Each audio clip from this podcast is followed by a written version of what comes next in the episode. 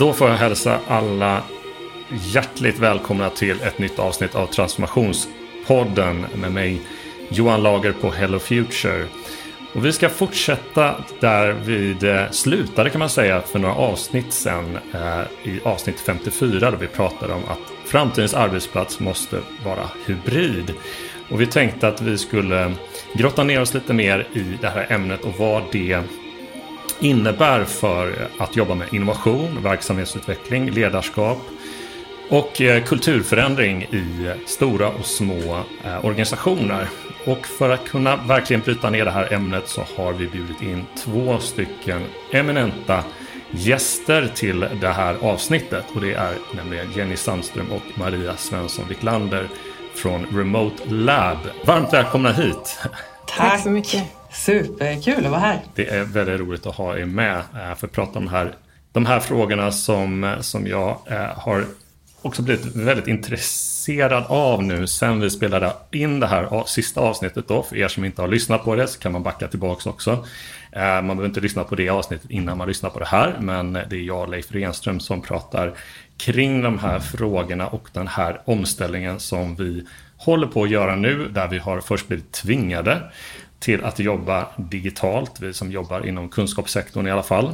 Först och främst eh, till att nu gå tillbaka till kontor och ha olika typer av lösningar som passar olika bra eh, för olika personligheter och människor och vad man jobbar med.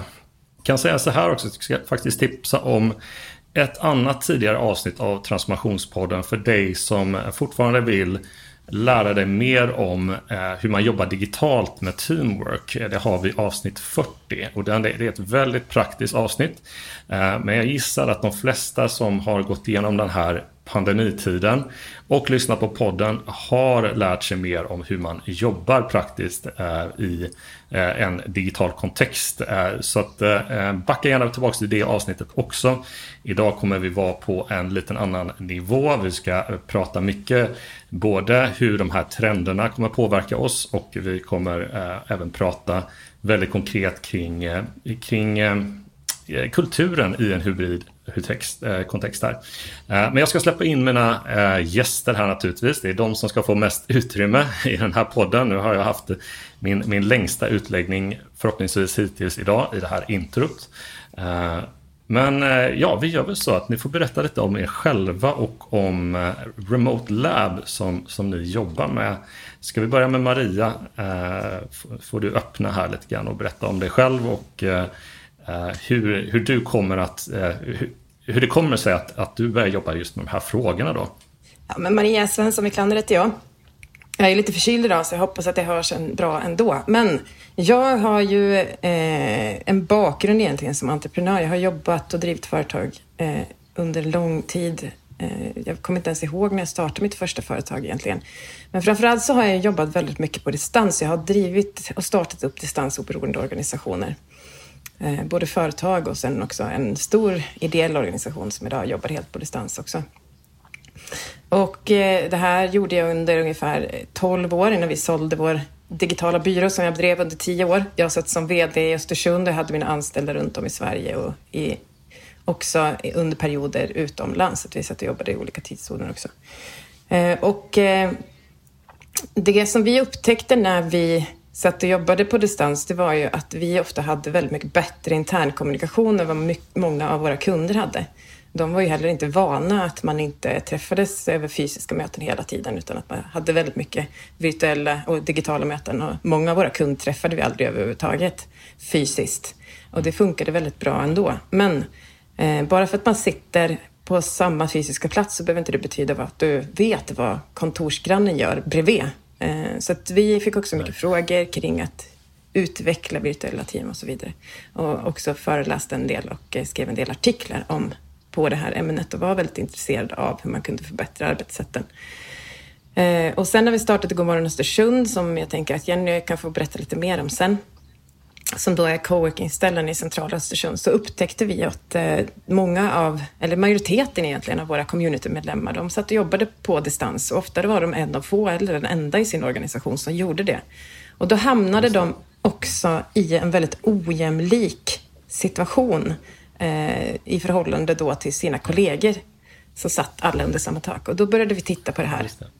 Vi såg också att det var en stor global trend, eh, men att det inte fanns särskilt mycket forskning kring det. Eh, och då började vi utveckla den här tanken om att skapa en kunskaps och utvecklingsnod för framtidens distansoberoende arbetssätt.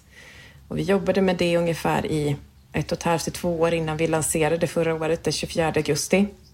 Eh, och innan pandemin så vill säga att det var ganska många som inte riktigt förstod vad vi eh, pratade om överhuvudtaget. Men det där Nej, försvann, det försvann ju. Ja. Försvann snabbt ja. ja. Ja, det gjorde ju det. Alla förstod helt plötsligt vad vi pratade om när man väl blev sittandes på distans. Att det är inte så himla enkelt att gå från att vara en, ett, ett företag där normen är så fantastiskt stark kring det fysiska kontoret och sen börja jobba på distans. Eh, och, och, att också många av de arbetssätt som vi har haft i organisationen, de liksom utvecklas inte eller omformas inte så bra i det digitala sammanhanget, utan man måste börja jobba på ett nytt sätt och så vidare.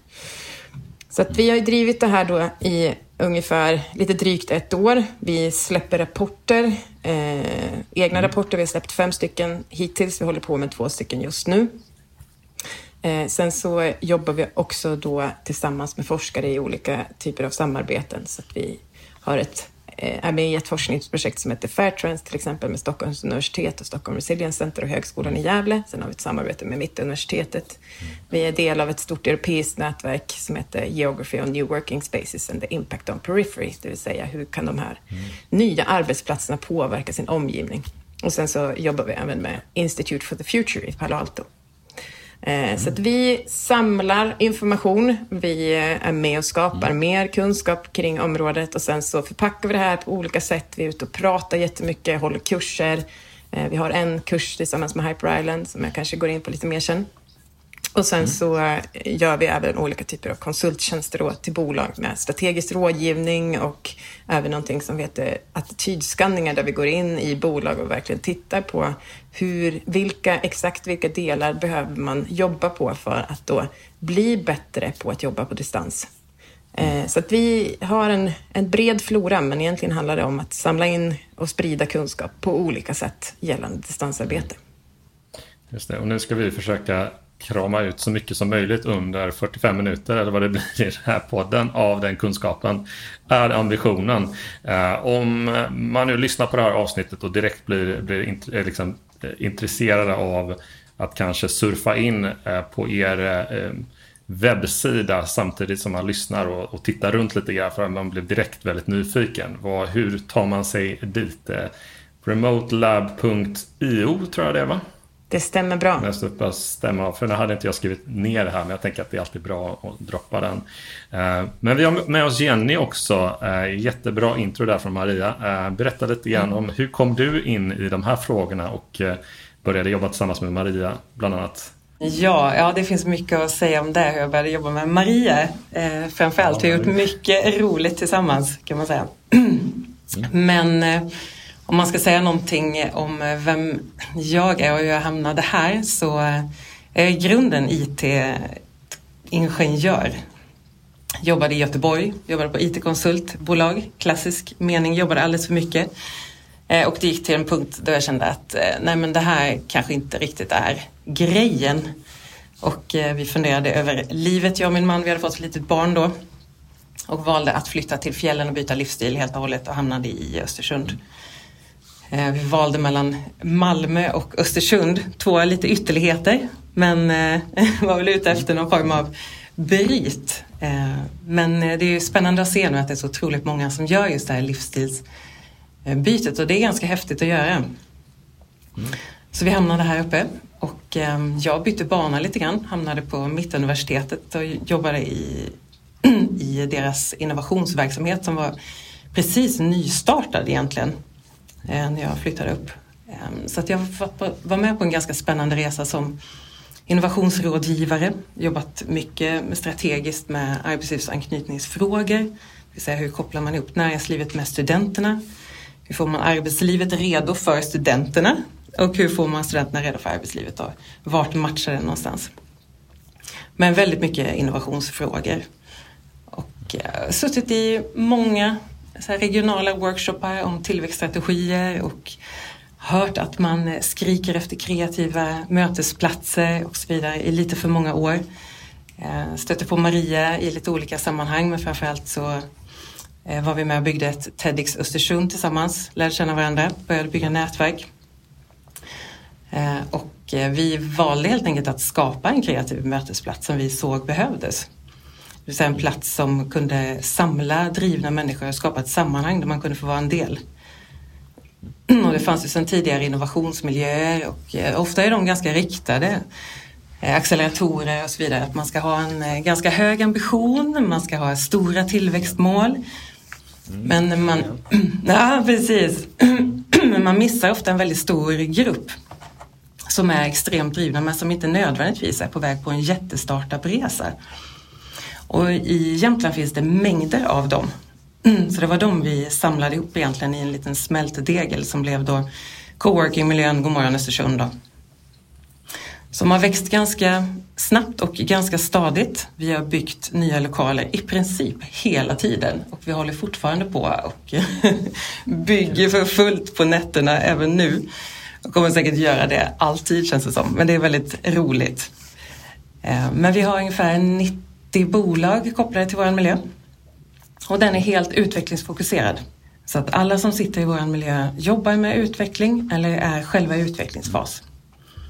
Och vi ja, låter folk ja. avgöra den kopplingen själva. Så att vi gör inga bedömningar av vilka som får vara med och inte utan vi förklarar vad vår inriktning är. Och sen låter vi folk eh, avgöra ifall den miljön känns bra för dem. Då. Och i och med att vi ska prata lite innovation idag så är det, mm. jag tänker, kan nämna hur vi ser på innovation och kopplingen till vår miljö, varför vi har gjort som vi har gjort. Um, så blir ju det en en otroligt intressant dynamisk miljö där man utbyter extremt mycket kunskap. Det blir en omvärldsbevakningskittel egentligen. Mm, mm. Som är väldigt, väldigt spännande. Och i den typen av miljöer så, så kommer det ofta väldigt mycket kloka tankar och kloka idéer som blir någonting annat. Mm. Och vi plockar ju väldigt mycket ur den. Vi plockar extremt mycket kunskap ur vårt community. Det är där Remote Lab blir ett koncept. Det är där vi skapar jobb och livsstilssafari-resor som Jämtland Calling till exempel som vi håller på med nu. Mm. För att locka spetskompetens till Jämtland med lite nya grepp som bygger på just det här livsstilsbytet. Då. Eh, så det, är, det är en ganska spännande del. Sen har vi en annan del som vi håller på att jobba väldigt, väldigt intensivt med just nu. Då. Mm. Eh, och det kopplar till att vi har haft ett uppdrag åt Länsstyrelsen. Vi tar ju på oss lite olika konsultuppdrag på olika sätt. Mm har vi haft ett uppdrag för Länsstyrelsen sedan ett gäng år tillbaka att starta upp och facilitera och hjälpa dem att leda ett myndighetsnätverk i Jämtlands län. För att vi har en väldigt, väldigt hög densitet av myndigheter här. Det är ganska spännande. Vi har över 40 myndigheter på plats. Eh, och vi satte samman en creative board där. Ganska spännande grepp för myndigheter. Väldigt, väldigt roligt arbete. Så alla myndigheter i nätverket fick ha en representant i en creative board som fick fullt mandat att titta på hur skulle man vilja samverka? Vad är egentligen relevant? Vad kan man få ut av det här? Vad är det för behov man är ute efter genom att samverka? Så att det inte blir det här ett nätverk för nätverkandets skull men varför ska jag ens lägga min tid på det? Så, utan väldigt mycket fokus på behov. Eh, och ur det nätverket då så har det trillat ut en myndighetsfestival som vi kör för tredje året nu i februari. Superspännande. Det har trillat ut myndighetsspaningar. Det har trillat ut en massa saker kring gemensamma utbildningar som vi håller på att jobba på. Och det trillade ut en tanke om en gemensam coworkingyta. Ja, och efter många turer fram och tillbaka och Vinnova har varit inne i samma tankar så blev det till slut en utlysning som landade i vårt knä tillsammans med eh, Länsstyrelsen i Jämtland och tillsammans med Vasakronan i Stockholm. Och jag och Maria tillsammans med eh, en favorit som vi har plockat upp ut med vägen Niklas Huss. Så vi tre utgör en form av projektledningsteam som tittar på offentlig verksamhets eh, framtida möjligheter att samverka som är väldigt spännande. Det kan vi säkert återkomma till. Ja, Ja, men jag kan ju nämna det, vi har ju många av våra lyssnare vet vi jobbar i det offentliga och en del, ganska många på myndigheter eller ja, eller regioner eller kommuner eller typ av offentliga organisationer. Och det är ju väldigt spännande att ni tar den här erfarenheten av hur man delar kunskap och hur man kan jobba dynamiskt eh, mellan olika organisationer, även om det är då kanske är mindre bolag och så vidare, och ta samma, eh, samma tänk in i, eh, eh in i myndighetssamarbetet. Och, eh, mm. Det är ju en fråga som jag gillar att prata om och har gjort det i podden innan. Men vi ska inte fastna för mycket på myndighetssamarbete här. Men det går ju ihop i också det ni pratar om då, det här samverket. Då, hur, hur, eh, hur egentligen offentlig sektor kan dra nytta av den här nya eh, nya, jag men, ska inte kalla det? megatrenden eller det här, det som accelererat av att eh, kunna dela kunskap och jobba mer Eh, eh, genom att man jobbar digitalt så är det också snabbare vägar till, an, äh, till kunskap från olika personer. Man kan liksom, eh, jobba på ett helt annat sätt men också skapa de här fysiska miljöerna som ni, som ni pratar om. Och det är ju väldigt, väldigt spännande. Jag tänker så här, vi, vi eh, Eh, nu har vi fått en, en grund här av er eh, från vad ni, eh, eh hur ni kommer in i de här ämnena. Vi har, vi har ett, eh, en, en, väldigt stor erfarenhet av den här typen av hybrida organisationer eller helt digitalt först, som jag brukar kalla dem, organisationer här från Maria. Och så har vi mycket innovationsperspektiv och samverkansperspektiv från dig Jenny. Nu ska vi verkligen försöka dra nytta av det här idag och prata om just hur man driver innovation och kan göra i den här nya, i den här nya kontexten som vi är i nu. Men om vi backar lite grann kring bara, bara de här stora dragen som jag också och Leif gick igenom och pratade om i förra avsnittet. Det här med att vi ser de här, den här megatrenden, det som en, en, en en händelse som en pandemi som har förändrat allt på, på många olika sätt och där just arbete, eh, arbete och resande är två saker som antagligen aldrig blir detsamma igen. Hur, eh, om vi nu säger då att framtidens organisation är hybrid, eh, hur vi eh, kommunicerar med varandra, hur vi arbetar tillsammans, hur vi samverkar med varandra, hur vi reser till varandra kanske eller hur vi anställer personal eh, på distans är förändrat i grunden. Hur, vad ser ni framför er utifrån era expertglasögon nu att den här framtiden kommande åren kommer att se ut. Det ska vara väldigt spännande för mig och i alla fall att få höra svaret på det. Ska vi börja med Maria där igen? Ja, men precis. Alltså det här med hybrid, eh, själva begreppet hybrid blir ju ganska trubbigt i sig. Mm. För att då klumpar man på något sätt ihop både var man geografiskt är på en plats och mm. hur man jobbar. Och det, det, där är ju lite komplicerat därför att de behöver inte naturligt hänga ihop egentligen. Du kan ju befinna dig, alltså distansarbete i sig handlar ju om att vara på den platsen där man för tillfället är som mest effektiv och kunna jobba därifrån. Och det kan ju vara kontoret i vissa fall, det kan vara hemmet i vissa fall, det kan också vara någon annanstans, typ ett coworking-ställe eller ett café eller ett bibliotek eller vart man nu väljer att sätta ner sin lilla rumpa. Eh, men, och det utgår ju också ifrån liksom, vilka arbetsuppgifter man för tillfället har, vilka arbetsverktyg man har, vilka arbetsmetoder man mm. använder sig av som egentligen avgör var det passar bäst att arbeta. Eh, och jag tror ju att även om man säger sig då använda ett hybridarbetssätt så kommer man till mångt och mycket att behöva vara remote first, alltså digitalt först eller remote first eller jobba med ett distansarbetsperspektiv, det vill säga att vi är inte beroende av att vi sitter i samma fysiska lokal. Därför att människor kommer ju naturligt att då inte vara på samma plats. Även om vi kommer överens om att vi ska vara två dagar på kontoret så kanske inte det är samma dagar för alla. Eh, det kanske är samma dagar för alla i ett team, eh, men det kommer kanske alltid vara någon som eh, inte känner sig helt hundra. Och vi har ju fått en lägre tolerans för till exempel sjukdomar och sådär. Mm. Vi kanske mm. tidigare kunde gå på jobbet med lite halsont, men det kanske vi inte gör längre. Och särskilt inte så här mm. nära på pandemin. Så jag tycker i alla fall att man behöver titta på att, eh, att liksom försöka isolera de där begreppen. Mm. Att hur vi jobbar har kanske inte så mycket med var vi sitter att göra. Vi kan välja att ha liksom en hybridarbetssituation, det vill säga att vi är på flera ställen där kontoret är ett av de ställena. Men hur vi jobbar bör ju faktiskt då eh, ge möjlighet för alla att oberoende var man är eh, ha en jämlik situation.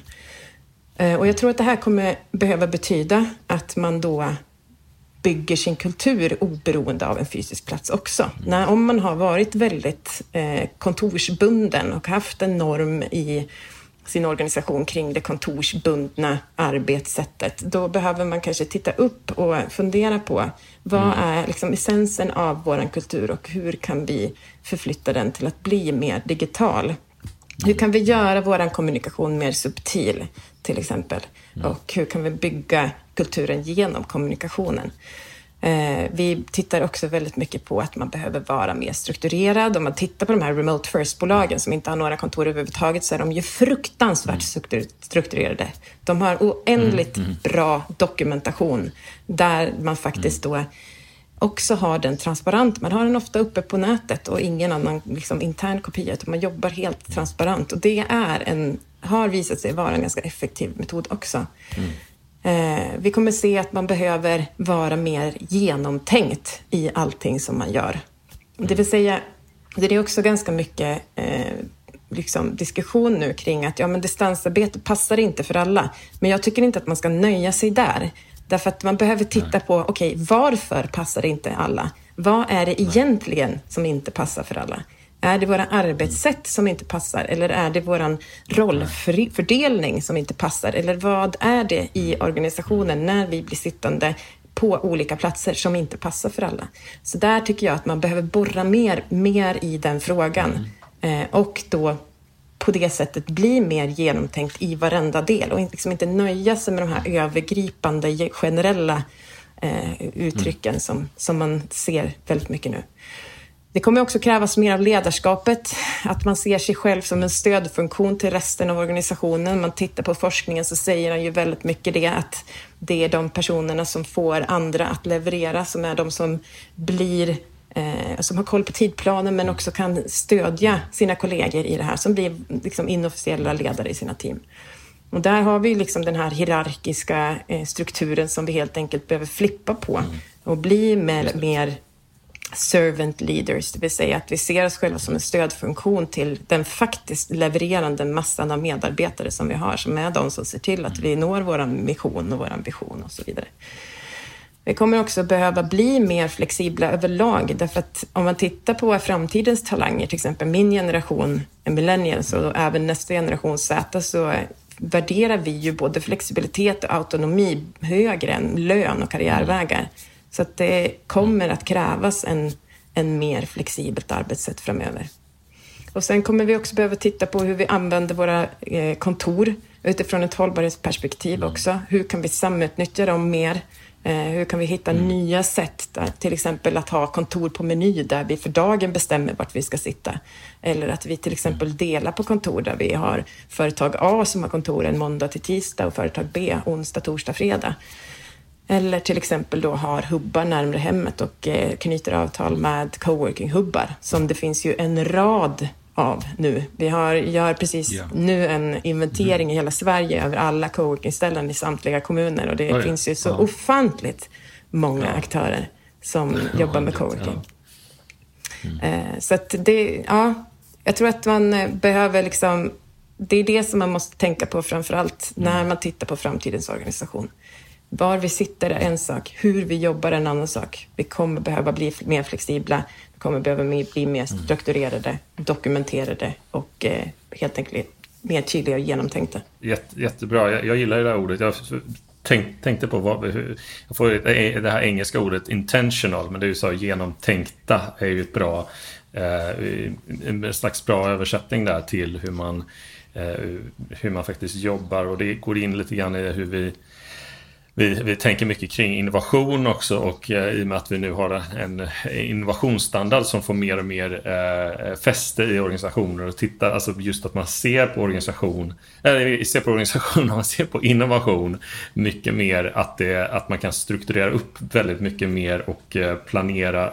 Man, det är inte lika mycket även om de här, de här eh, liksom, eh, blixtnedslagen av intressanta idéer och sånt där kommer i kreativa processer så är det just att, att eh, eh intentionen i hur man dokumenterar och hur man, eh, hur man värderar olika delar i processen. Eh, eh kan ge, ge väldigt, stor, väldigt stor nytta i de här processerna som vi kanske tidigare såg som att ja, men de, är, de är lite Ehm, det, det, sker rätt mycket på chans, eh, när vi kommer tillsammans så kommer en bra idé och så vidare, så vidare, att det blir mer systematiskt. Och då tror jag också att ser man det så, just när, om vi ska börja försöka få ihop det här med att kunna jobba på det sättet du säger där Maria, men också att jobba med väldigt komplexa problem och stora utmaningar där man behöver många olika typer av kompetenser och eh, innovationsledning Eh, så, så, så, tror jag att de kan verkligen komplettera varann eh, i det naturligtvis.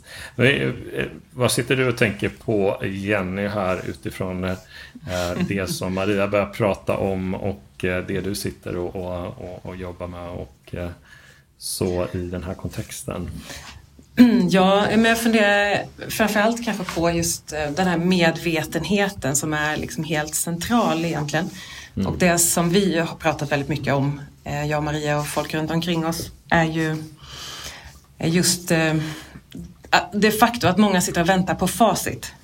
Att man vill att det ska komma en lösning. Så här, hur ska vi förhålla oss till det här nu? Vad är rätt väg i den här djungeln? Så sitter man lite grann och väntar där. Men eh, den här strategin som kommer behöva landa ut i varje bolag kommer ju se extremt olika ut och det handlar ju någonstans mm. bara om vad, vart ska vi som bolag, vad är vårt mission, vad håller vi på med, vad passar för vår verksamhet här och vilka anställda har vi? Har vi generation Z? Vad har vi för typ av grupp människor? Och vad vill de egentligen? Och att man börjar ställa frågan till folk. Och man har ju pratat om att det här är ett gigantiskt experiment som vi har varit inne i nu men, och det är det ju Precis. på sätt och vis. Men det är ju först nu man verkligen kan börja experimentera med distansarbete på riktigt. Eh, och faktiskt testa. När man har möjligheten att sitta hemma och man har möjligheten att sitta på kontoret och man har möjligheten att sitta vart som helst i världen och man kan dra på workation om man känner för det. Nu kan man ju börja experimentera lite grann på vad vill personalen? Vad vill man? Vart får man ut mesta möjliga? Och det är så otroligt intressant när man hör exempel på folk som har eh, suttit på kontoret, inte levererat på många år, det händer ingenting. Och sen plötsligt har de fått sitta hemma. Och det visar sig att mm. det är en miljö som passar helt fantastiskt och de börjar leverera som aldrig förr. Och bara springer om alla andra. Och man undrar, vad, men vad hände här? Men det är bara tillbaka till, men vad ville den människan? Vad passade den egentligen? Så, så man har ju verkligen öppnat spelplanen på ett ganska spännande sätt. Men det gäller ju att att, att just vara medveten, verkligen. Men eh, om vi, eh, ja precis som du säger det, det, ett, det har varit ett stort experiment och vi har också blivit, liksom, att jobba hemma är ju inte samma sak som att jobba eh, liksom distribuerat. det är bara en, eh, ett, ett tvång som vi har blivit, liksom, många har kanske känt på som jag inkluderar, att man har suttit lite lite fång, fången i det här. Um, och då kan det ju vara det som vi också vi pratat nämnt om tidigare att uh, organisationer istället känner att det var bättre förr uh, och, och uh, nu kan vi jobba mer och mer som vi gjorde tidigare. Um, vad har ni för, alltså ni har ju tagit upp lite de här olika argumenten, men säger det att ni ser ju en redan innan då det här hände och, och, och, folk fick tvingas in och pröva på det här så har ni sett enorma du var inne på det lite grann, enorma fördelar med det här sättet att jobba på. Vad skulle ni säga är de stora argumenten för att göra det här stora, alltså fortsätta göra det här skiftet och landa i kanske en modell där, som du är inne på Maria, kanske lite mer radikalt för många att höra att ja, men börja strukturera om, gör den här förflyttningen till att vara ett, ett eh, remote first bolag ungefär eh, och titta på de, de bolagen som har lyckats med det. Förstår jag det rätt lite grann där? Och vad, vad, är det, vad är de här olika stegen som man ska börja, vad, vad, är de, vad ser ni som de som viktigaste utmaningarna för organisationen nu att lyckas med för att inte inte hamna i någon typ av konstlad hybrid som inte är genomtänkt så att säga. Utan som faktiskt blir där man verkligen utnyttjar alla de här fördelarna och de här möjligheterna som, som finns nu. Vad tänker ni om det? Var, var, var börjar man någonstans?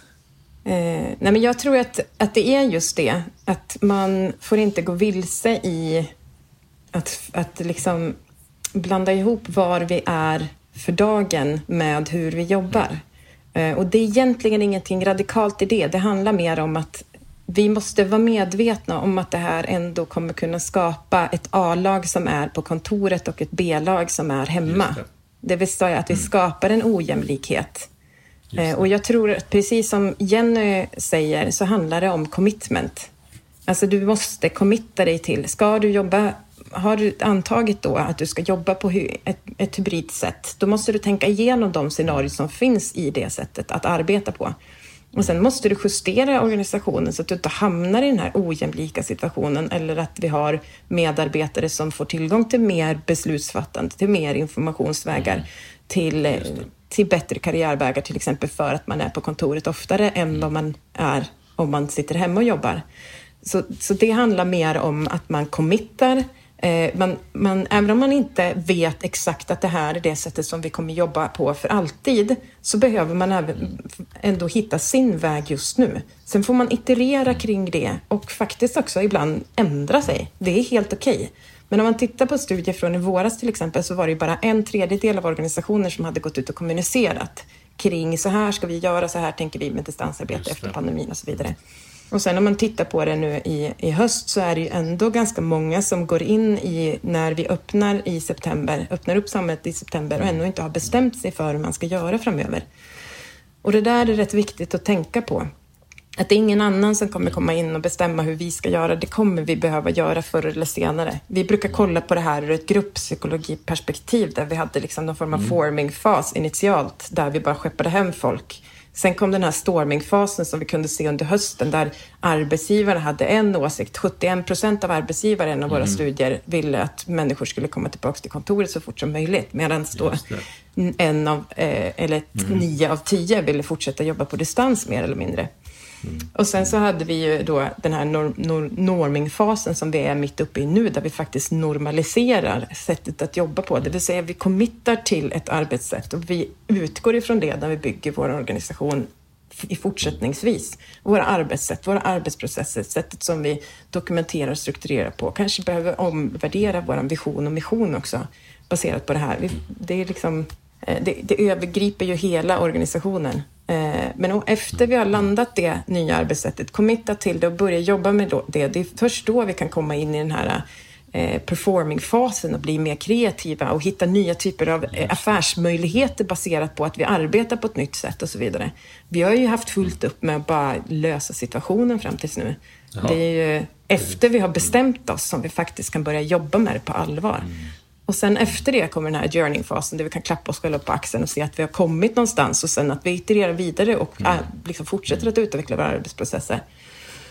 Så jag tror att det är det som är den stora grejen, commitment. Mm. Ha, mm. menar vi allvar med att vi vill jobba på distans mm. ibland och på kontoret ibland? Och vad betyder då det för vår organisation? Så att vi liksom inte släpper det. det och, eller, eller så här, minimerar det till att bara handla om hur vi gör möten. Utan hur ser det ut för resten av organisationen? det som, ja, men precis. Men det, som, det som händer lite grann nu också kopplat till de olika faserna som är extremt spännande, det är ju att man nu börjar se som arbetsgivare kan se resultaten av de val man har gjort hittills. Mm. Eh, när man ser att folk plötsligt på riktigt säger upp sig om de inte får behålla flexibiliteten. Mm. Och de protesterar när chefen säger att alla ni ska tillbaka till kontoret. Om man verkligen på riktigt protesterar. Man köper inte det. Så att nu börjar man ju se, vad, men vad betyder det, de här resorna vi har gjort eller de valen vi har gjort eller de kanske de avsaknaden av val i många fall då. Där man som Maria sa eh, i våras inte hade bestämt sig och inte liksom kommunicerat riktning. Vad får det för effekt då när personalen de facto har flyttat under pandemin? Om man inte får veta om man kan bo kvar på den nya platsen eller inte för att bolaget inte kommunicerar. Eh, så att det är ju en intressant verklighet man har att förhålla sig till nu. Och man, vi tittar ju jättemycket på flyttmönster, vi har skrivit en rapport om flyttmönster och sådär. Vi ser ju att det är gigantiska förflyttningar i samhället. Och man måste ju börja anpassa sig till vart kompetensen finns och hur den rör sig. Mm. Eh, det pratas ju väldigt, väldigt mycket om the great resignation och hela den biten och det faktum att folk som har möjligheten att eh, göra egna val, som har en bra kompetens också väljer då en anpassning till livet och inte till jobbet. Och det är ju kanske den största förflyttningen vi har i allt detta. Att man har klippt eh, banden mellan boplats och arbetsplats och att folk har kommit in i ett helt annat mindset och börjat prioritera livet före jobbet work-life balance slår allt. Om man är beredd att kämpa för det. Och då ser man de här totala massuppsägningarna som man ser nu då. Mm. Ja, det är ju, det är ju otroligt eh, hur, som du då gjorde för många år sedan behövde den där mm. livsförändringen och många som har fattat det, inklusive mig själv. Eh, jag är, jag är en, en, en klyscha när det gäller alla beslut som man fattar på under pandemin men att eh, som sagt var möjlighet att bo eh, var jag vill och då flytta till en annan stad på sikt och, och även fundera kring att Ja, inte ta en längre semester men att bo utomlands ett tag och, och jobba mm. också. Och det tänker jag också, jag eh, kom över en, en YouTube-film med en av grundarna på Airbnb. Eh, ett företag som jag ibland nämner i den här podden för jag gillar det väldigt mycket. Och, eh, och han sa ju det att de såg ju de absolut stora, liksom, efter att det varit svårt under pandemin naturligtvis, de enorma stora möjligheterna nu i och med att folk kommer eh, resa på ett helt annat sätt. De kommer eh, hyra andra eh, eh, de kommer hyra andras boenden för att just få den här möjligheten att eh, jobba på en annan plats eller jobba ute i naturen under en period eh, och inte behöver kombinera, tänka att resande är semester. Ehm, jag menar, det är ju en, naturligtvis någonting som, som kan ha förändrats i, i, i grunden och ehm, det måste ju organisationer Eh, Eh, förhålla sig till eh, naturligtvis. Men också tillbaks till det här då som, som också du Maria säger där. Så att fatta de där rätta besluten så att den, den, den här arbetsmiljön är eh, hållbar. Vi tog upp det också, jag och Leif då tidigare. Det skulle vara intressant att höra era, era tankar kring det när man då liksom om man säger det att om vi, vi, vi har flyttat ett kontorssätt eh, att arbeta i bara en digital miljö eh, och det har inte eh, riktigt funkat för alla personer. De blir lite tröttare, de har jobbat dåligt, det har blivit mer möten och så vidare. Så vidare. Hur löser man den? Ja, det känns som att det är en ganska stor förändring man måste ändå gå igenom som en organisation för att lyckas göra det här. Eh, liksom, man kanske måste göra om och göra, alltså som sagt utvärdera hur det här fungerade och sen göra om, göra rätt och börja prata med sin personal. Ni är inne på det där att verkligen lyssna på eh, hur, hur man har uppfattat det och, eh, eh och som jag tycker är jätteintressant det som, som ni nämnde där att om man inte har trivts med att jobba på det här sättet, eh, vad beror det på? Beror det bara på att man har saknat kontoret och sina kollegor? Eller beror det på att man faktiskt jobbar i, i en kultur på en arbetsplats där om man gör det helt digitalt så blir det bara tröttsamt för att eh, man, man har liksom börjat förändringen, man bara lagt på eh, digitala verktyg, man har lagt på mer möten Ehm, och med er eh, väldigt långa erfarenhet om, om hur det här funkar så gissar jag att det är lätt att tänka att ja men ni, de som jobbar på coworking, de som eh, det är ni som driver Remote Lab, det är för de här som, som redan sedan länge tycker att de vill vara digitala nomader, de vill bo på Bali och så vidare. Naturligtvis att ni har ett, ett nätverk och eh, ett sätt att jobba på som passar er, men men det kan man inte säga för alla eh, person, personer och så vidare. Så jag, jag, kan tänka mig att det kan finnas en... Man kan bli lite, kanske inte provocerad, men man kan bli lite utmanad och höra att jaha, eh, ska vi verkligen helt gå över till till det här sättet att jobba. Det är man inte så bekväm i. Vad har ni för, eh, vad, vad, har ni för morötter här då? Så att det inte bara känns som en piska för många som, som, eh, som vill, vill liksom tillbaks och träffas och jobba som man brukade. Eh, så att säga. Vad har ni för tankar kring det? Ja, men, mor men eh, morötter är bra ja. ja Vi båda är nog ganska... Ja men exakt, vi är pro morötter rent generellt. Nej men jag tror att det handlar jättemycket om det som Maria var inne på tidigare, att man behöver, om man ska ha något form av mått av hybridupplägg, eh, minsta lilla så måste man ju ställa om till en remote first eh, strategi. Och gör man det på ett bra sätt, då har man ju verkligen möjligheten att låta några gå tillbaka till kontoret i princip som det var innan. Men man har beslutsprocesserna som inte, så att de inte sker vid kaffeapparaten utan att man har ett Nej. inkluderande, man har en grymt bra struktur i bakgrunden. Och då kan man skapa förutsättningar för att pricka människors behov om man vill sitta på ett kontor eller om man inte vill sitta på ett kontor eller mixa och hur man nu vill göra. Man har möjlighet att växa på ett helt annat sätt för att man kan plocka in kompetens från vart som helst egentligen. Man behöver inte gå utanför landets gränser om man inte vill det men man blir inte låst på det sättet om man lägger strukturen rätt. Så man, man ska nog inte vara så rädd för att ändra om den strukturen och känna att man går in i en, jaha nu ska vi bli helt plötsligt bli digitala, nu ska vi aldrig mer komma tillbaka till kontoret. Utan där skulle vi väl vilja att man, eller vi skulle vilja klippa det likhetstecknet lite grann där. Att remote ja. first inte behöver vara någonting läskigt och inte behöver vara den här hemska förändringen utan en en förändring som man verkligen kommer tjäna på oavsett hur man väljer att göra sen. Mm. Och det finns många som har gjort den här resan förr. Det finns väldigt många att lära av som man kan titta på. Så hur har de gjort när de gick från ett mer traditionellt Precis. setup till, till remote first? Precis, men det är igen då tillbaka till det som Maria du sa där i början med bolla tillbaka ner till dig här, eller ner dig, för vi sitter i ett, i ett Zoom-möte så sitter någon vid sidan och någon nedanför mig. Det är lite kul. Ja, men att det kanske inte, när man tänker remote först så tänker man väldigt, som sagt var, det är mycket möten, det är mycket, man pratar mycket om Zoom. Eh, men det som vi pratade om i början där så handlar det mer om som du, som du säger där Jenny, var fattas besluten? Var finns transparensen i i, i um, informationen och informationsdelningen mellan olika personer. Att man känner sig inkluderad. Det är egentligen där som, som knäckfrågan ligger i att göra den här transformationen. Delvis då, men, men som jag lyssnar in lite här. Uh, hur, hur, kan man göra det på, på, ett, uh, på ett bättre sätt? Liksom, om man är van vid den, den, den andra mer hierarkiskt, uh, mer chefen sitter inne på mycket information.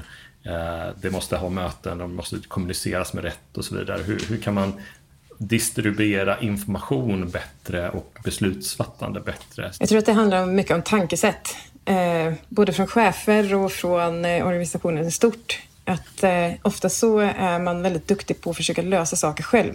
Det är liksom chefens mm. Eh, roll att lösa det här. Men det behöver inte vara så. Eh, och det kan finnas Nej. andra organisationer som är så mycket bättre lämpade att, och sitter inne med kunskap och arbetssätt mm. och, och, och det liksom man behöver lyssna in på. Eh, och det är det som handlar lite grann om det här servant leadership också, att man involverar fler. Och det är ofta, ofta ganska skönt också som chef att vara helt öppen och transparent med att okej, okay, det här är mina tillkortakommanden. Jag är inte så himla bra på de här grejerna. Jag behöver hjälp och, och, och verkligen öppna upp den den diskussionen då för fler att, eh, mm.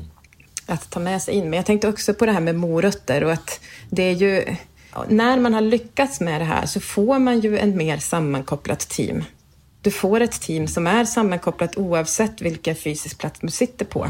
Och det blir väldigt mycket bättre. För att som jag sa innan, alltså, oavsett om du sitter bredvid någon, i någon alltså, har jag kontorsgranne med någon så är det inte säkert att du vet var den personen är för dagen om, om liksom det är någon i ens närhet som har gått bort och så vidare. Men har du en välfungerande, effektiv intern kommunikation till exempel så, mm. så, så, så, finns det där ändå. Och ofta så blir det då bättre för att du tvingas in i det. Eh, och absolut, det är ju inte så himla roligt att tvingas in i saker och ting heller. Men det här handlar ju också lite grann om inställning och hur pass benägen man är att ta till sig förändringar och så vidare. Sen tänkte jag också på en sak som du och eh, Leif tog upp där på ert avsnitt 54 mm. eh, kring mm. att man tenderar till att bli irrelevant i framtiden om man inte gör den här förändringen.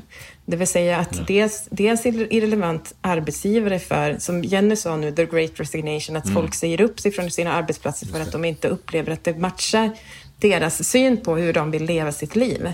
Eh, men också i att man ju, om man inte anammar nya arbetssätt, då kanske man går miste om att hitta nya affärsmöjligheter eller nya typer av mm. produkter och tjänster som kan komma ut av att vi ser olika saker ut genom vårt fönster när vi tittar ut i vår organisation.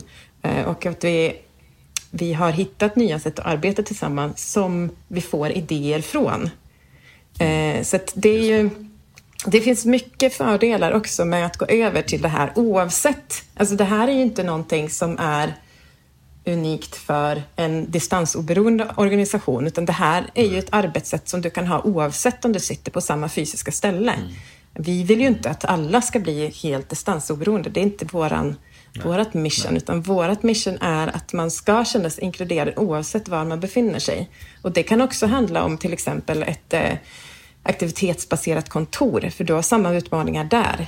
Jag tror att det aktivitetsbaserade kontoret kommer få en helt större förståelse nu, därför att man hittar ett annat sätt att jobba där man inte är beroende av att sitta bredvid varandra längre och där man kanske sitter på olika våningsplan för dagen och så vidare. Den internkommunikationen kommer också fungera mycket bättre med ett distansoberoende arbetssätt i sin organisation. Så jag tror att man kommer hitta fördelar oavsett.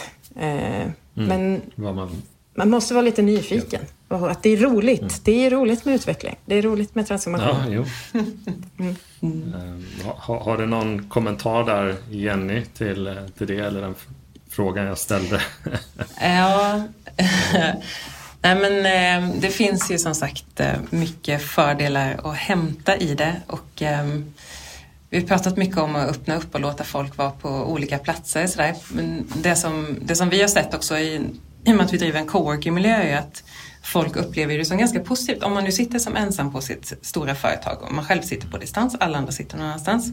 Så sitter ju du själv i en situation där du plötsligt kan välja vilka personer du hänger med på dagarna. Du kan ju välja ditt sociala umgänge på dagen. Om du sitter i till exempel en coworking-miljö. Hela tiden eller, eller då och då. Och det är, det är någonting som man inte haft möjlighet att göra tidigare. Du blir ju ihopklumpad med ett gäng människor på grund av din kompetens, på grund av din roll. Det är inte säkert att det är ni som har det stora utbytet socialt eller stimuleras av varandra eller hur det nu kan tänkas vara. Eh, så nu har man möjlighet att komplettera med en helt annan pusselbit som inte har funnits tidigare.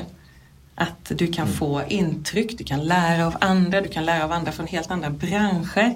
Du kan börja tänka affärsmodeller som kanske drar över branscher, som brukar vara ganska spännande. Och samtidigt har man möjlighet att sitta hemma och landa tankar och verkligen liksom få utveckla idéer i lugn och ro. Liksom.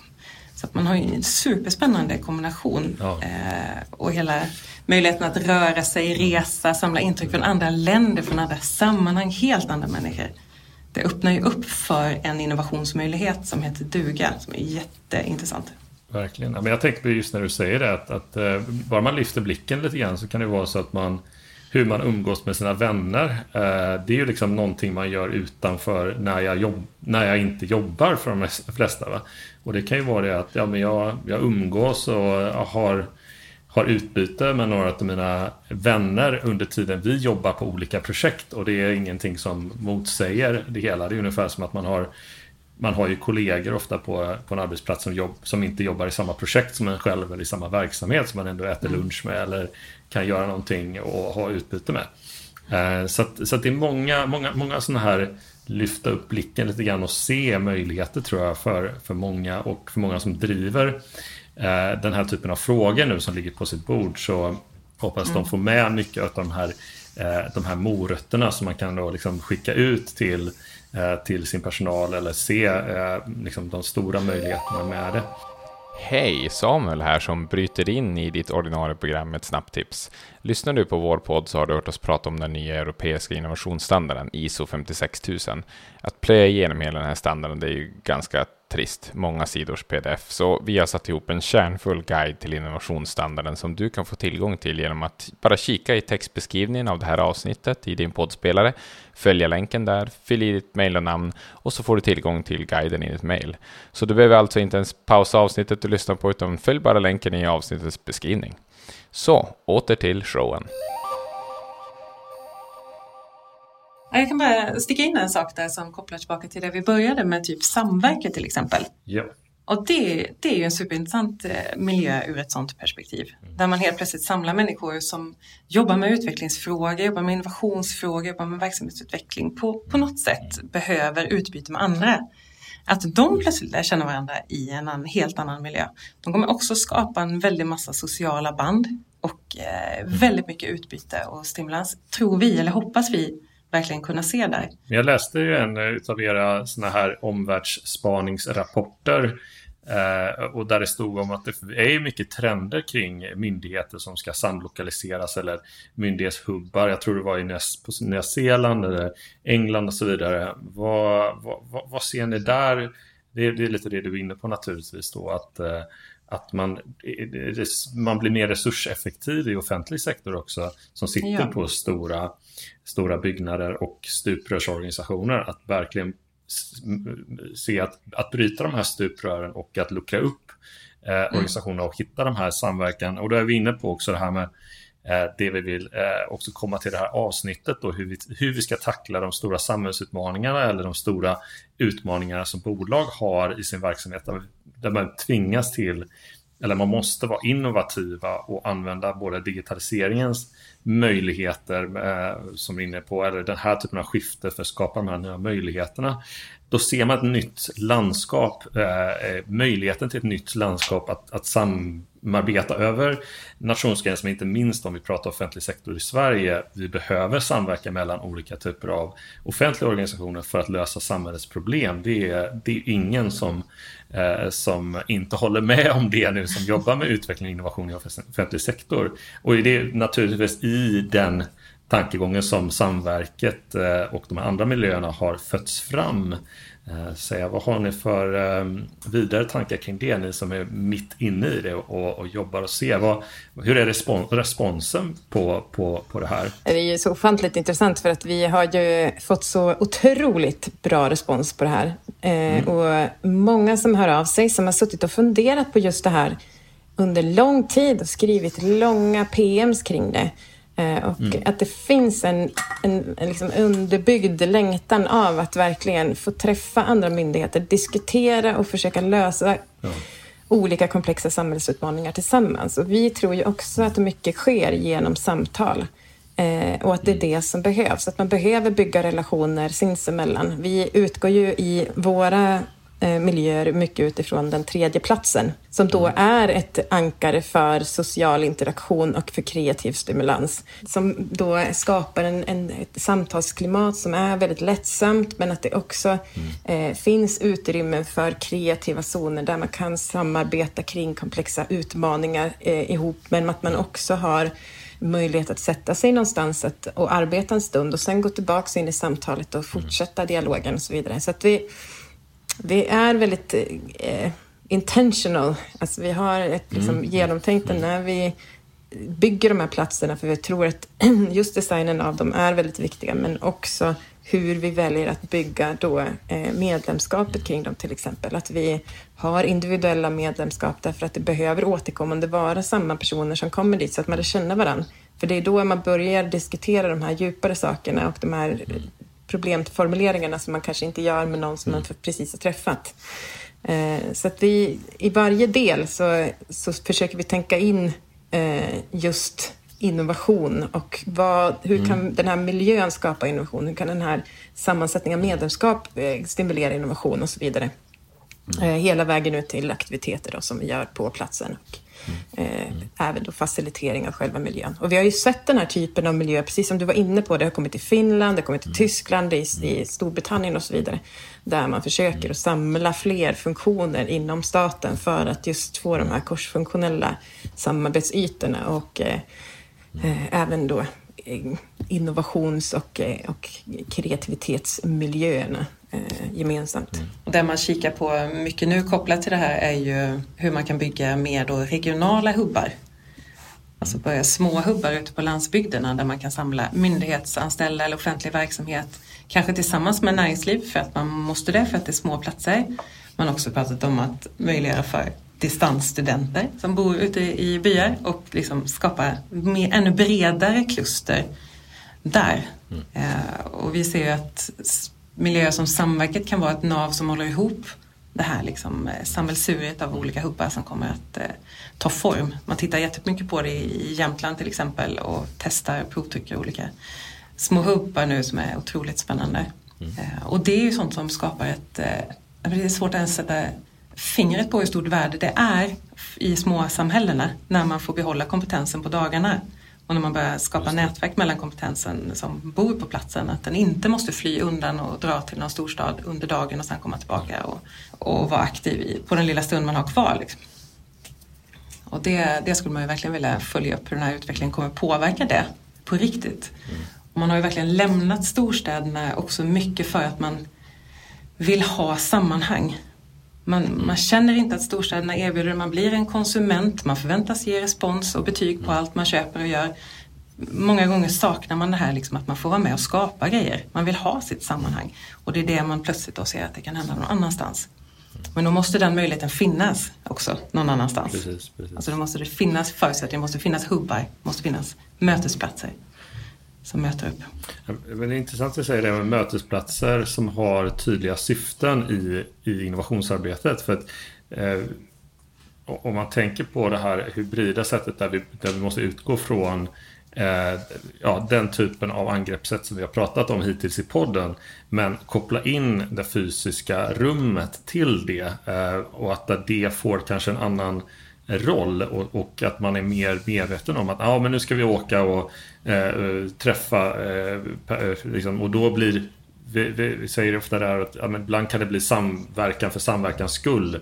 Så att säga, men att eh, hur, hur, kopplar vi ihop liksom att, att jag kan också jobba eh, en, enskilt och så har jag ett, ett syfte för för coworkingen och sen har jag syfte för det jag gör kanske inom min organisation Eh, Eh, eller på ett kontor eller vad, liksom att, att hitta de här tydliga syftena i innovationsprocessen med eh, hur, de olika typerna av arbetssätt. Eh, det är ju en, naturligtvis en, en, en, utmaning att få till. Eh, men samtidigt så är det väl en enormt viktig fråga att definiera eh, de syftena eh, så, så, att man vet att outputen från de här olika Ehm, de olika miljöerna man rör sig i, om man, man jobbar på egen hand eller tillsammans med andra, eh, att det ger liksom, de här resultaten, tänker jag. För att det, och det tror jag också man måste lätt kunna navigera, navigera i för att eh, för att få ro över nu, nu, nu skapar jag nytta i, i, att, i arbetet. Det vill säga när jag sitter på egen hand så har jag Eh, då, då, då fokuserar jag på de här bitarna. När vi ses så är det här. Eller, har ni tänkt mer kring det här? För nu kommer vi in lite grann på det här med med, med, att jobba i en innovationsprocess, en samverkande process där, där, där det finns en enorm flexibilitet utifrån eh, på vilket sätt och när på dygnet, kanske till och med när man jobbar. Eh, har ni funderat mer på, på, på de delarna där kring det, liksom, det asynkrona, synkrona arbetet? Ja, det har vi absolut gjort väldigt mycket. Och det är ju väldigt intressant också, för att vi har ju också fått med oss mycket bra under pandemin. Det här till exempel att jag tror inte det undgår någon att det är väldigt mycket diskussion kring just den sociala interaktionen på våra arbetsplatser. Det har aldrig varit så mycket samtal om det tidigare som det är nu. Hur mycket Nej. den betyder för oss och att vi faktiskt får bygga relationer oss emellan. Det har inte varit särskilt högt på agendan förut. Men så det är ju en insikt som är väldigt bra som vi har fått. Mm, mm. Och den behöver vi ju ta tillvara på och därför också på samma sätt vara väldigt genomtänkt. Okej, okay, men vad, när vi är på kontoret, vad behöver vi göra då tillsammans? Bygga relationer är ju en sak som vi vet att vi behöver mm. göra. Eh, en annan sak kanske då är kreativa eh, mötesplatser och skapa den typen av mm. kreativa workshops och forum och samtal som vi faktiskt mm. också vill ha fysiskt för man behöver ju, även om man kan ha det på digitalt också, så kanske man vill ha det fysiskt. Och då kanske man ska mm. utnyttja den tiden man faktiskt har tillsammans då, att göra det. Mm. Och sen så har vi ju också pratat väldigt mycket om, vi brukar prata om att man gärna får göra teamkontrakt i sina team, därför att vi definierar väldigt sällan vad som är normalt och förväntat inom våra team. Mm. Det vill säga, hur ska vi jobba ihop för att på bästa sätt kunna mm. leverera det vi ska göra och för att kunna uppfylla våran del av den här visionen som vi ska nå mot. Eh, det kan handla om allt ifrån hur vi har möten tillsammans, hur vi kommunicerar tillsammans, vad vi gör vad, vart till exempel. Om det är okej okay att, att mejla klockan 11 på kvällen eller hur vi mm. förhåller oss till varandra. Och det handlar ju väldigt mycket om någonting som också blir väldigt viktigt då, att vi sätter våra egna gränser. Det vill säga för mig, jag måste för att kunna vara en hållbar individ ha de här gränserna. Och som Jenny var inne på tidigare så omvärldsbevakning är ju jätteviktigt för innovation. Men deep work är ju också ofantligt viktigt för innovation. Mm. Att vi får tid mm. att ta till oss det vi lär oss. Att vi har möjlighet att avskärma oss ifrån allting. Att vi inte svarar på mejl 70 gånger om dagen som vi ofta gör nu. Utan att vi mm. faktiskt då sätter våra gränser för våra arbetsdagar, ser till att få det vi behöver för att också kunna vara innovativa. Men att vi också pratar ihop oss då med våra kollegor kring, okej, okay, men vad är normalt och vad är förväntat inom vår arbetsgrupp? Och hur förhåller vi oss till varandra?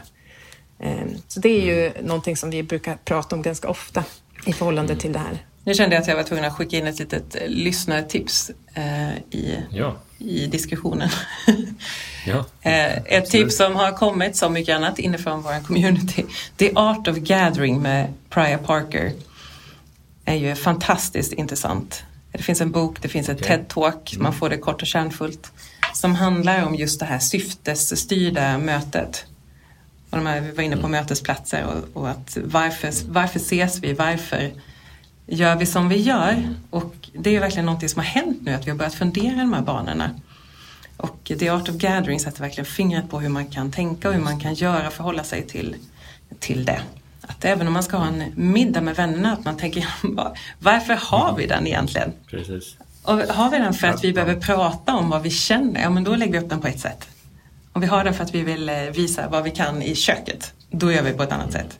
Men jag, jag, min reflektion på det är att eftersom vi, vi har inte eh, behövt att särskilja det speciellt mycket utan vi har, vi har, man har jobbat på som vanligt och då, då känns det att men syftet med varför vi, vi ses det är ju självklart så att säga, eller syftet med varför vi gör det vi gör det, det eh, men, men när man börjar, ska börja bryta upp det och jobba över gränserna och över kanske tidszoner och att någon gillar att sitta själv på kvällar och jobba Eh, med problemlösning eh, och någon annan gillar mer det här kreativa workshoprummet. Eh, då helt plötsligt så blir de syftena mycket viktigare att, att tydliggöra och man går in i de rummen eller man går in i de, de faserna av processen mycket mer, med, med en större trygghet över varför vi, vi gör som vi gör och varför strategin är som den är. Och man kan också ställa frågor på, i en process Eh, där, där man tänker att ja, men varför kommer vi inte se så mycket? Eller varför ska vi jobba så mycket individuellt om man nu har det? Och då kan man ju ta de frågorna och ha liksom, argument för hur man vill lägga upp sin process på bästa sätt. Ehm, för det, det, det, vi har, har ju prövat mycket under pandemin att ja, göra om våra innovationsprocesser och våra liksom, designprocesser utifrån att vi inte kan, kan ses. Och ehm, eh, just det som, som vi har lärt oss är att väldigt mycket som vi såg skulle göras när vi träffas eh, eller i huvud taget att man inte bara ses då över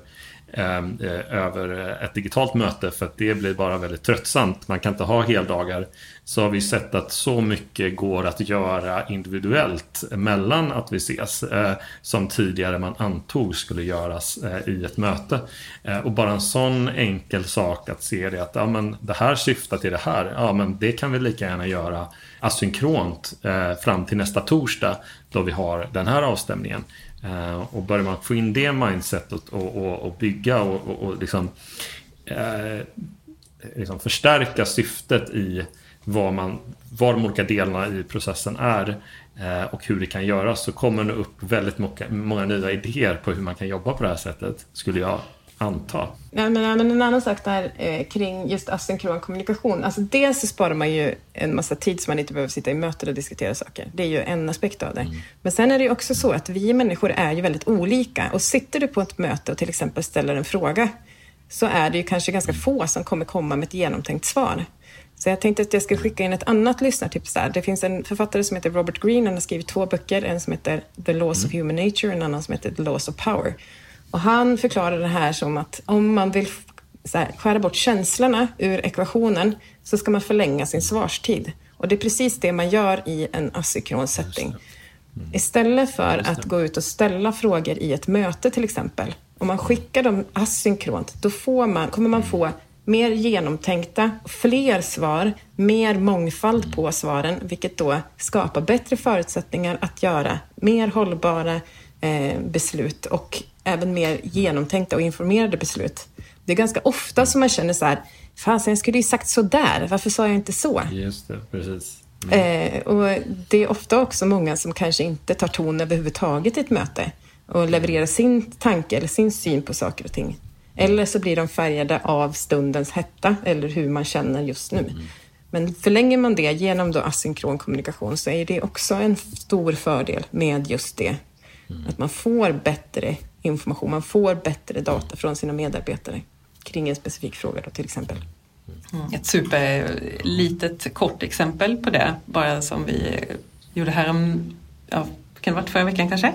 Vi skulle ta fram ett manifest för just samverket tillsammans med en arbetsgrupp som vi har eh, av myndighetsrepresentanter.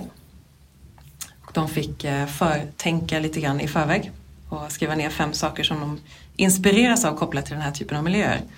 Och eh, jag tror vi hade manifestet i princip färdigt sen på 25 minuter i ett möte. Mm. Bara detaljer i, i formuleringar kvar sen. Det, det går otroligt snabbt att göra ja. saker när man har fått tänka ordentligt för då får man så bra input mm. som Maria säger eh, att bygga på. Och då kan man göra några snabba breakouts och diskutera så man kommer vidare i gemensamma tankar och sen så har man det klart.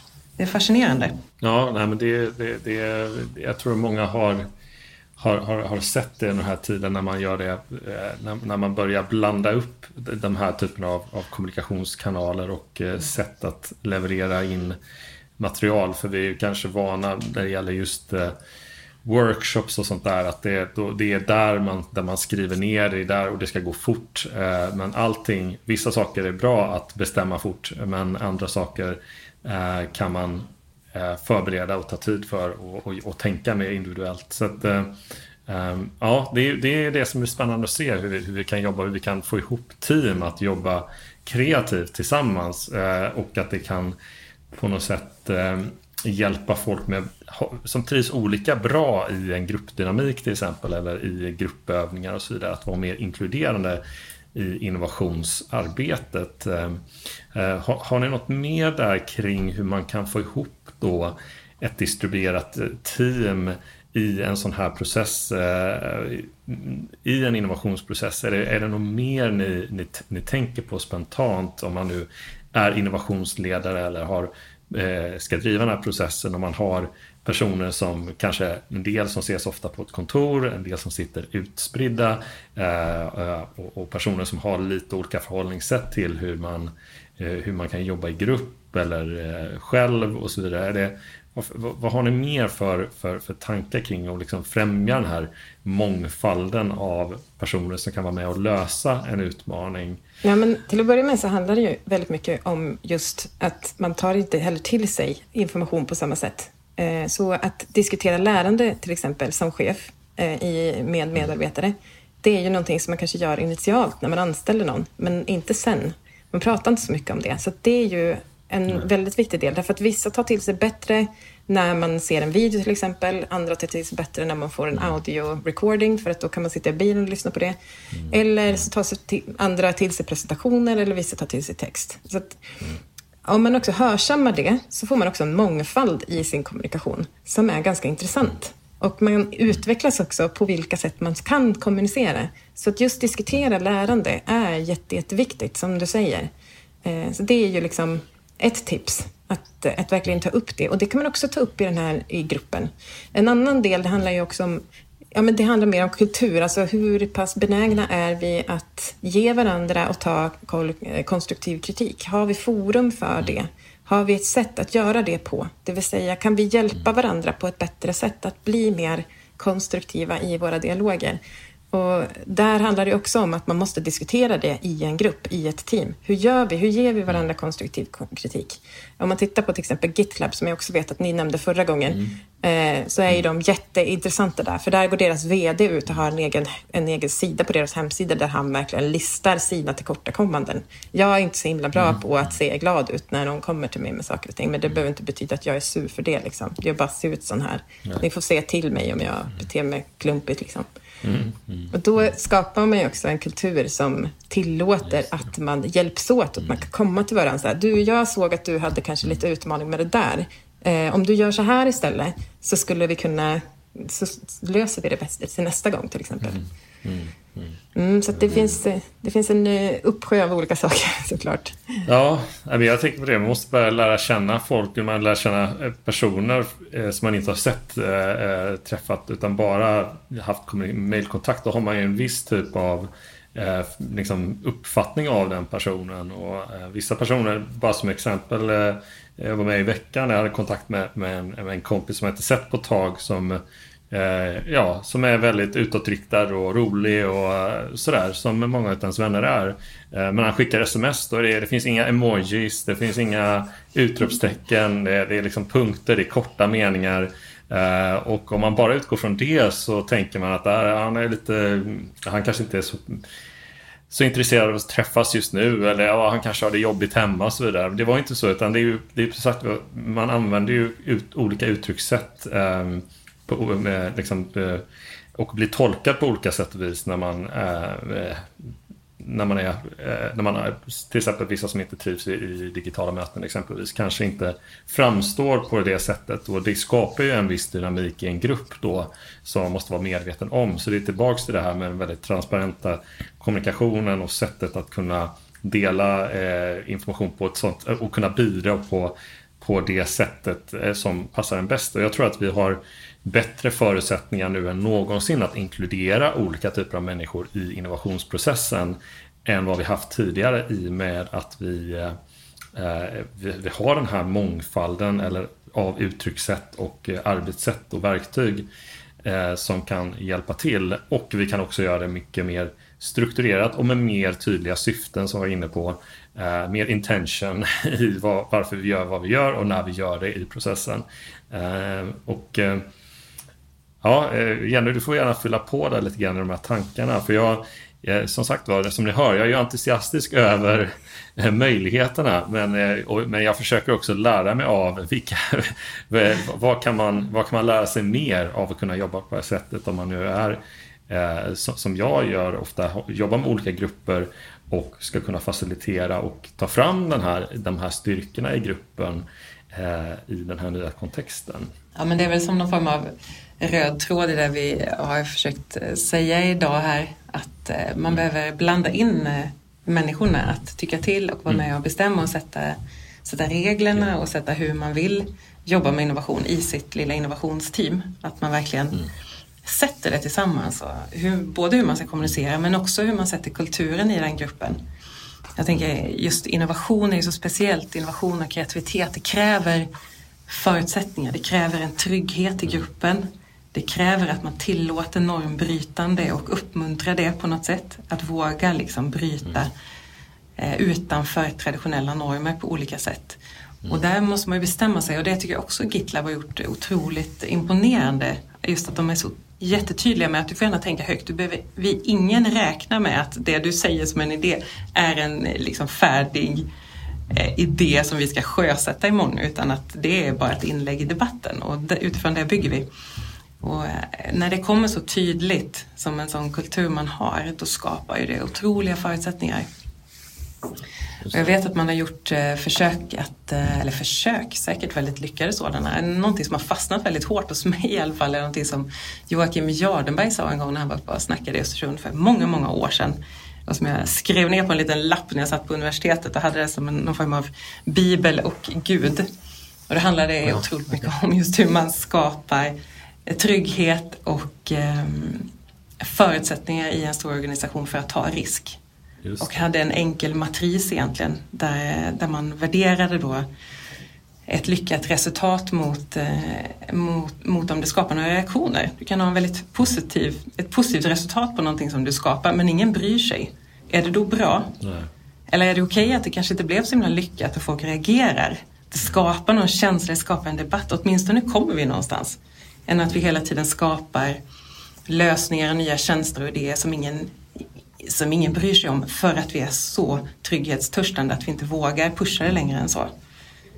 Um, och det, det är någonting som jag funderat mycket på och alltid har i bakhuvudet när man kommer in i nya sammanhang. Hur kan man sätta den där kulturen så att man eh, uppmuntrar folk att våga ta de här riskerna? Att det är okej, okay, att man är tydlig där. Liksom. Jag hörde det annat exempel bara som jag ska flika in lite kort. Vi eh, har en remote strategisk kurs som vi kör nu och då hade vi en eh, gästföreläsare från just remote. Och han, eh, remote.com som är en snabbväxande startup som är helt på distans. Han jobbade tidigare inom GitLab och han berättade att de hade haft en utvecklare som hade råkat radera en väsentlig del av databasen så att hela mm. systemet gick ner. Och det de gjorde var att sända ut liksom en livestream över när de fixade det här. Och de som fick så ofantligt mycket reaktioner. Folk kom in och började hjälpa till och lösa det här eh, mm. som, de hade, som de försökte göra och kom med tips och råd och var sjukt involverade. Och de hade mer likes då än vad eh, Obama hade haft något tal det, den dagen. De hade Oj. liksom mer likes än vad han hade den dagen. Eller mer eh, views med det. Eh, och sen så fick de ju också då frågor kring så här, "Ja, men okej, men den här personen måste ju få sparken nu. Och deras respons till det var ju nej, nej, absolut inte. Han har ju lärt sig någonting jätteviktigt. Eh, och Ja, alla hans kollegor runt omkring har ju också lärt sig något jätteviktigt. Det här kommer ju förmodligen aldrig hända igen. Och de hade fått jättemycket spridning och en otrolig fin gemenskap kring att försöka lösa ett problem istället för att då få en massa aggressioner kring att den här tjänsten var nere. Så det, vart, eh, ja, det är ett bra exempel på hur man helt enkelt kan vara transparent, men också väldigt tillåtande. Precis, ja, men det är ju som sagt var, det är ju ingen, ingen nyhet att digitaliseringen skapar helt nya möjligheter för oss att, eh, ja, att involvera fler personer eller vara transparenta. Eh, men jag tror många sitter då på frågan eh, hur, hur gör vi det då? Och där är ju exempel, ett jättebra exempel och man måste ju ta som sagt var lite risker också och försöka på någonting nytt i den här för att eh, eh och pröva nya saker helt enkelt. Det är inte någonting som man kan komma med en, med en, med en fast manual just nu hur man gör. Det tror jag vi också sa, sa väldigt tidigt i det här avsnittet. Men en, om vi pratar bara kort av avrunda här lite grann med just det här med manual. Ni pratar om ett sånt här teamkontrakt. Eh, är det något, är något sånt som ni tar fram specifikt eller är det eh, också något som, som börjar utforma sig lite så här som ni har kanske någon mall som man kan titta på eller sådär? Är det, har ni kommit så långt? Det finns absolut mallar och det finns också olika delar som man kan tänka på. Eh, så jag- vi kan skicka över eh, det så kan du också få med det i talarnotesen kanske. Ehm, Just det. Men det handlar ju egentligen om tre delar. Det är information, det är kommunikation och det är samarbete. Och utifrån det så behöver man ju titta på vad vi har för förutsättningar just nu. Det ser ju jätteolika ut, till exempel i en offentlig organisation. En kommun till exempel, där har man också lagar och regler att förhålla sig till. Eh, Så det är inte säkert att man kan göra allting. Utan där handlar det ju mer om att anpassa det utifrån den egna vardagen idag. Eh, Men vi har ju haft väldigt mycket workshops tillsammans med kommuner till exempel där, där vi har pratat om just teamkontrakt och det är ju definitivt tillämpbart i alla organisationer. Men vi har mallar och vi har också områden som man kan titta på. Vi har stödfrågor som man kan fråga sig. Eh, och sen så får man lägga till det som man själv vill helt enkelt i det. Det vi också har som kan vara värdefullt är att vi faktiskt har en eh, Remote Strategy Canvas. När man nu ska börja jobba med de stora frågorna. Det har vi inte ens nämnt där riktigt. Men det är någonting som vi tog fram när vi formade den här Remote Strategies-utbildningen tillsammans med Hyper Island. Så tog vi fram den här Remote Strategy Canvasen. Och den kan man såklart få tillgång till eh, om man vill det. Det är bara att man hojtar till oss.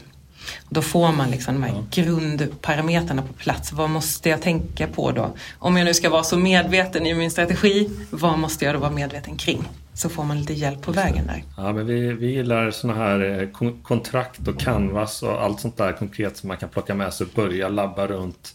Eh, Det är jättebra och um, remotelab.io där man får massa information eh, och kan ladda ner rapporter och annat spännande som ni jobbar med. Eh, hur kan man också ta kontakt med er på enklast sätt? Eh, LinkedIn, Eh, kan, man, kan man ju naturligtvis eh, adda er. Det ska jag göra, det har inte jag gjort än. Så det ska jag göra här eh, efter. På något annat sätt som ni vill bli kontaktade på eller få, få delta i de här eh, resurserna. Vi kan ju lägga ut lite länkar naturligtvis i avsnittsbeskrivningen här. Men är det något mer som ni, ni tycker? Man kan, man kan gå och hälsa på på Godmorgon eh, i Östersund också. Om man, om man Ja. bor i de trakterna naturligtvis. Det kan man absolut göra och det bör man verkligen göra. Det, Ja. det är vår fastaste hälsning. Men LinkedIn är väl alldeles utmärkt bra att ta kontakt med oss. Annars kan man skicka ett mail, klassiskt mail på hello at remotelab.io om man vill det. kommer man också i kontakt med oss.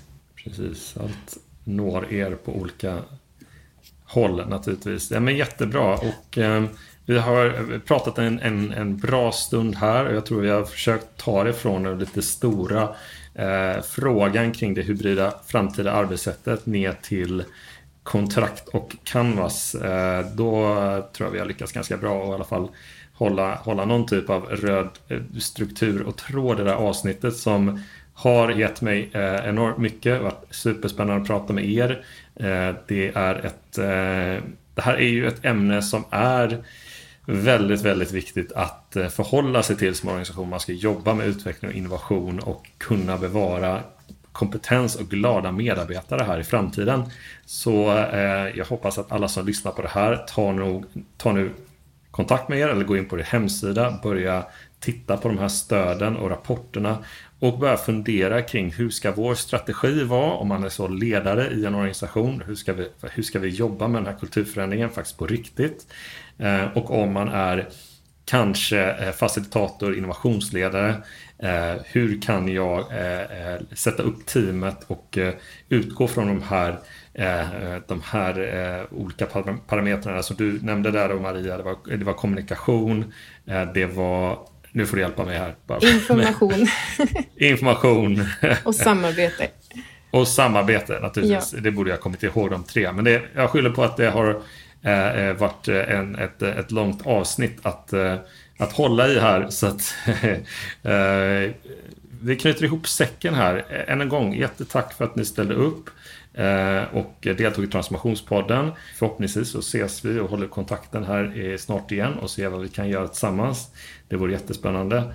Och eh, till alla ni som lyssnar eh, så hörs vi och se, eller ja, vi, i alla fall ni hör oss snart igen i nästa avsnitt av Transformationspodden och ha det så bra till dess. Hej då! Hej då! Tack för att vi fick vara med. Ja, stort tack.